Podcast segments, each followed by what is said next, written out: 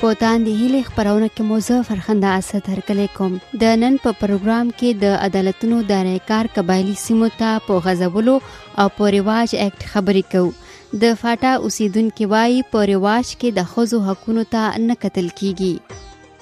اوس په رواج کې بیا دی چې دی نو سوای صرف لاند نو خزم ما خزا چې دا په رواج کې چې لکه یو وخت پیغله د هغه بسونه قیمتي لکه نا واده کړي بوي دا چې آیا رواج اکټ فاټا ته غزولو سره به هغه زاړه رواجونه ختم شي چې قبایلی خزي د خپل حقونو خلاف ګڼي دې کې داسې دا چې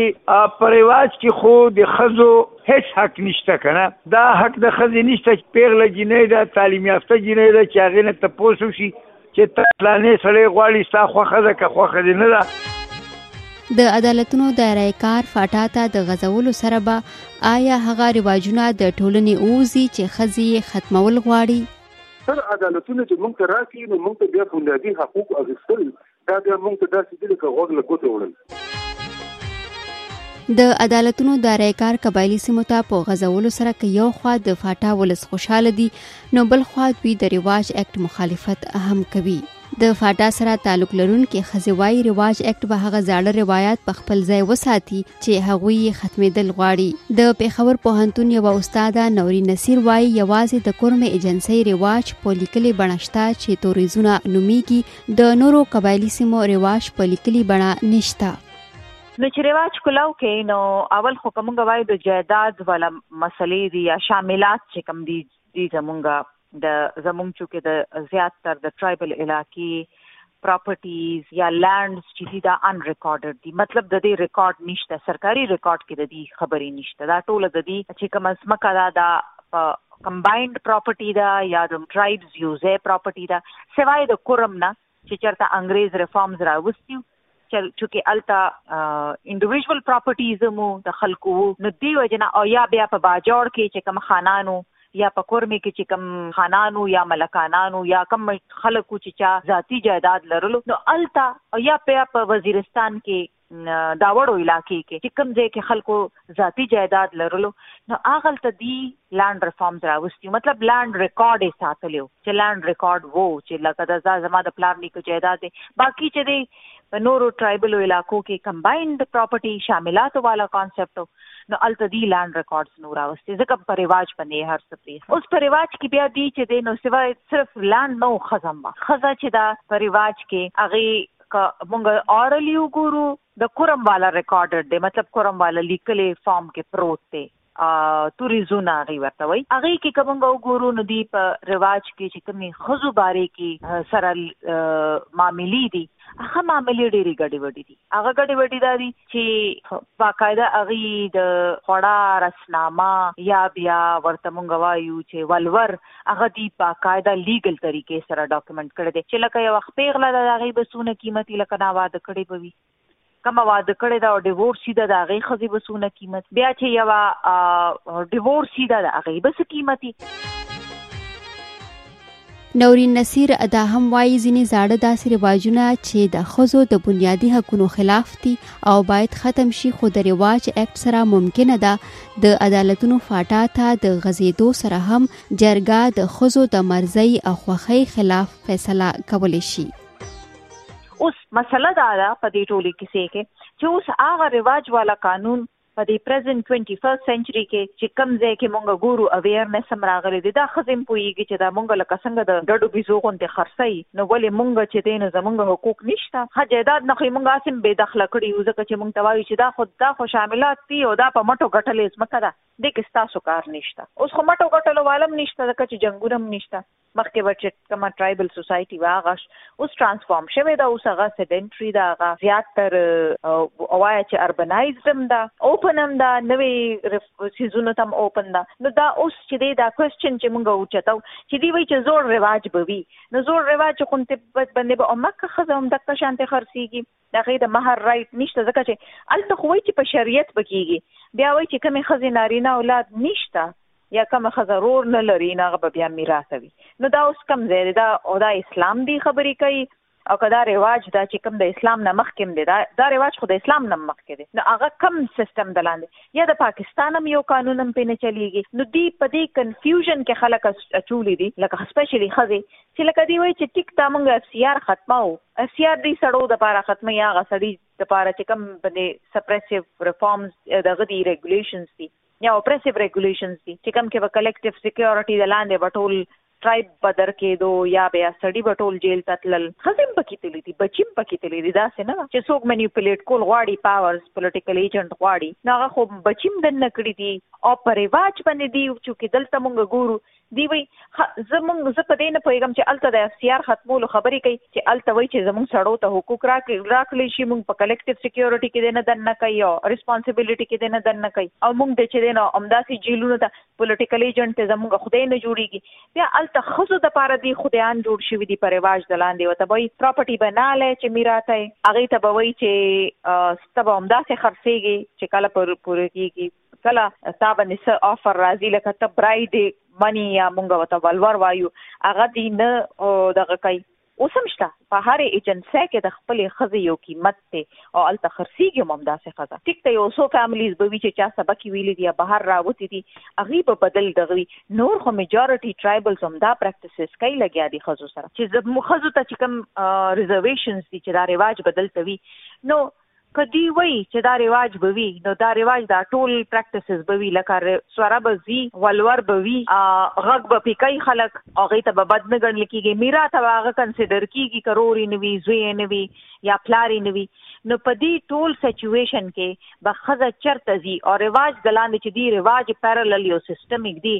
نو آیا چې دلته سپریم کورټ یا یا های کورټ یا بیا اني کورټ راشي هغه ته به خزه اکسس څنګه کوي لکه هغه میکانیزم کلیر نه دی که دی وایي چې نه نه سپریم کورټ شته هغه به وایي چې داسې رواجونه مونږ نه منو چې کوم رواجونه انټي وومن دي یا خزو حقوق ته یا انټي هیومن دي لکه انټي هیومن به وایم وومن هم نه نو بیا به په دې ټولي کیسې کې به خزه به چرته ځان پلیس کوي اب څنګه اپروچ کوي سپریم کورټ اب څنګه اپروچ کوي های کورټ چې تا وته جرګه کینو د جرګې کې ریپرزینټیشن چرته دی د خزې قانون پوها لطیف اپریدی وای د رواج قانون په خوا په ملکان کې هم نافذ شوی وو چې ورسته په های کورټ او بیا په سپریم کورټ کې چیلنج شو او ختم کړل شو او زیاتوی دا خبره سم ده چې په رواج کې د خزو حقونو ته نه قتل کیږي خو د عدالتونو د راتک سره ممکنه ده د وخت سره سره دغه رواجونه هم د ټولنې ختم شي چې د ښځو د حقونو خلاف دي دې کې داسې دا چې په رواج کې خو د ښځو هیڅ حق نشته که نه دا حق د ښځې نشته چې د هغې نه تپوس وشي چې یو پیغله جینۍ ده تعلیم یافته جینۍ ده چې هغې نه تپوس وشي چې ته پلانې سړی غواړي ستا خوښه ده که خوښه دې نه ده د مور پلار او د روڼو خوخه ده چې چاله ور کوي هغه له ور کوي بیا دغه چې کم دی دا په رواج کې خزي چې دی په ناجایز ناجایز خبرو وهل ټکولم پکې وي او وشتلم پکې وي او وجلم پکې وي تر دې حد پورې وي چې فرض کړه د خزي نه او چې ته څوک لوپټم یو شي نو ښځه به هم وژني او سړی به هم وژني دا داسې غلط رواجونه په مونږ کې را روان دي نو دا خو ښځه ګناهګاره نه وي هغې ته د ګناه سزا ورکړی شي نو په دې وجه په ښځو کې دا اپریهنشن دی خو د دې علاج دا دی چې ښځې تعلیم یافته ښځې دا چې که پرنسپلان دي او که ډاکټران دي او که استادان دي چې هغوی را پاسي او هغوی په جمع باندې د غلطو رواجونو خلاف یو چغه پورته کی او نارینه چې کم دي نارینه چیلنج کی چې تاسو ځان له هر یو شی خبر برابر کوي او زمون خلاف دغه امتیازي سلوک کیږي غلط سلوک کیږي نو دا به هله کیږي په خواهش باندې تش په یو کمره کې خبره باندې نه کیږي چې تر څو پورې زنانه سره راونډې نه شي پان نه شي او یو اواز دې جوړ نه شي نو اوس خو ښه دي دا سیول سوسایټي لږه لږه رسېدلې ده قبایلي علاقو ته خو فوجا پې پابندي لګولې ده نو په کار ده چې دا مطالبه وکړو چې دا کم این جي اوز پازیټیو په قبایلي علاقو کې هغوی ښه کارونه کول نو ستاسو په وساطت زه د فوجانو نه د چیف اف سټاف نه د دغه نه چې په چا باندې ډېر مضبوط ثبوت نه وي چې دا د هندوستان ایجنټ دی یا د افغانستان ایجنټ دی یا د چا ایجنټ دی چې په هغه انجیوګانو باندې پابندۍ ختمې کړي او دغسې به د سیول سوسایټۍ والا خلک به په قبایلی علاقو کې زنانه لکه زنانه شته دی هغه وزي بیا خلکو سره ویني راویني نو د زنانو په تنظیم کې په شعور کې په پوهه کې هغوی کافي کنټریبیوشن کولی شي البته چونکې د زمان د پخوانه پسماندره روان یو زمونږ په زنانو کې دوه پرسنټ تعلیم دی دوه فیصد تعلیم دی نو دا بس فار سم ټایم په سم ټایم دا به لس پنځلس شل کاله دغه پسماندګي به زمونږ په عمل کې ریفلیکټ کیږي او دا به د ښځو سره چې تعلیم یافته نشي او ښځې پوه نشي ښځې منظمې نشي په سیاسي پارټو کې شامل نشي تعلیم یافته ښځې راوړاندې نشي دغه امتیازي سلوک به ورسره کیږي د فاټا پارلماني مشر حاجي شاجي ګل اپریدی وای دوی به د خبرې ته خاص پام کوي چې د رواج قانون له وجې د فاټا ولس یو ځل بیا د خپلو حقونو محرومه نه کړل شي خو زیاتوي د عدالتونو د راتګ سره به د قبایلي ټولنې هغه ټول رواجونه ختموي چې د ښځو او یا سړو د بنیادي حقونو خلاف دي د ټولو نه اول خبره ده چې موږ قبایلو ته د وکیل او د دلیل او د اپیل حق ورکو نو که هغه هر یو شی داسې وي چې هغه د عوام لپاره تکلیف دی وي او د های کورټ او سپریم کورټ ایکسټینشن وشي نو اتوماتیکلی به هغه شی های کورټ او سپریم کورټ ختموي چې کم شي نه عوامو ته بجای د د د د د سہولیت نه هغه ورته مسلې جوړوي نو اس قسم داسې خبره نشته که خدای نه خواسته خدای نه خواسته څه وم شي دا رواج اکټ په دیر کې هم و چې کله دیر د د ریاست ختمېدو او دا د پاکستان قانون ورته ایکسټند کېدو نو بیا سپریم کورټ او های کورټ هغه ریواج اکټ الته ختم کړو نو هیڅ قسم نه داسې خبره بنوي هم په وخت وخت سره نه تر اوسه پورې د پاکستان آئین مکمل شوی دی نه د پاکستان قانون سرته رسیدلی دی اوس یو کال درې دوه میاشتې یوه میاشت مخکې د ملټري کورټ ایکسټینشن آئینی امندمنت راغلو اوس موږ پارلیمنت کې پاس کړو چې کوم یو شی داسې وي چې هغه عوام ته ضرورت وي هغه به هم په پارلیمنت ته راځي صوبایي اسمبلي کې به زمونږ نمایندګي وي په صوبایي اسمبلي کې به هغه باندې بل راځي هلته به پاسېږي او که هغه د ملک سره تعلق وي نو هغه به کومي کومي اسمبلي ته راځي تر اوسه پورې خو زمونږ د فاټا پارلیمنټرین یو آرډنر یو اعزازي پارليمنټرين و ځکه چې خپل علاقې پر قانون نشو جوړولای نو زه خو وایم چې هغه خو بس موږ صرف یو اعزازي ناستو دا زه نه وایم چې موږ سره خپل عوامو ذمہ داری پوره کوله نو هغه به اوس چې دا هایکورټ سپریم کورټ ایکسټینشن وشي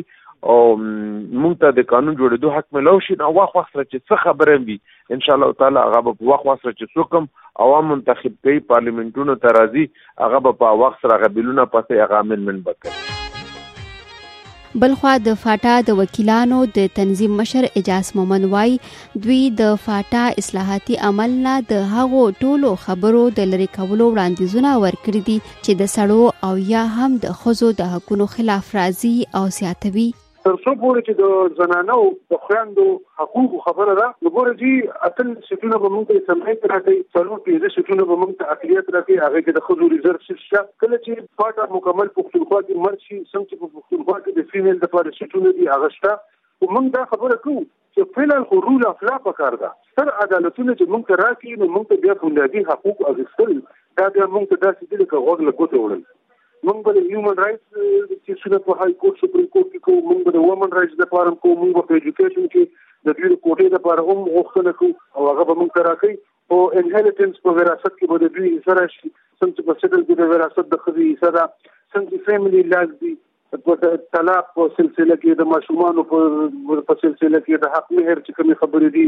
دا ټول خبرې چې کومې دي دا په دې کې راشي نو زما په خیال چې موږ ته یو د قانون دروازه کولاو شي نو اول به زنانه او ته حقوق ځکه ملاويږي چې زنانه انت ډېر پسمنده پاتې شوې دي په ایجوکیشن کې هم په هر یو فیلډ کې هم او قبایلی پلان د ډېر تکړه دي دا غوي د خپل حق لپاره اواز چې ته ولې شي او حق خپل غوښتې شي موږ به ملګرتیا کوو خو چې موږ ته څو پورې ستر عدالتونه نه وي راکړل شوي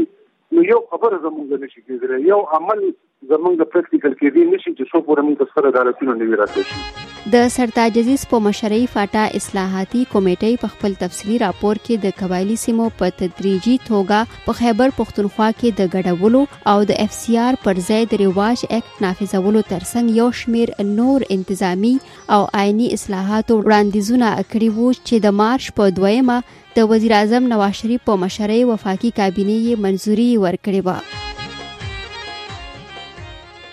دا وا د دې اونۍ تاندې هلې خبرونه چې تاسو واورېده زه فرخنده اسد درنه اجازه غواړم د خدای پامان پا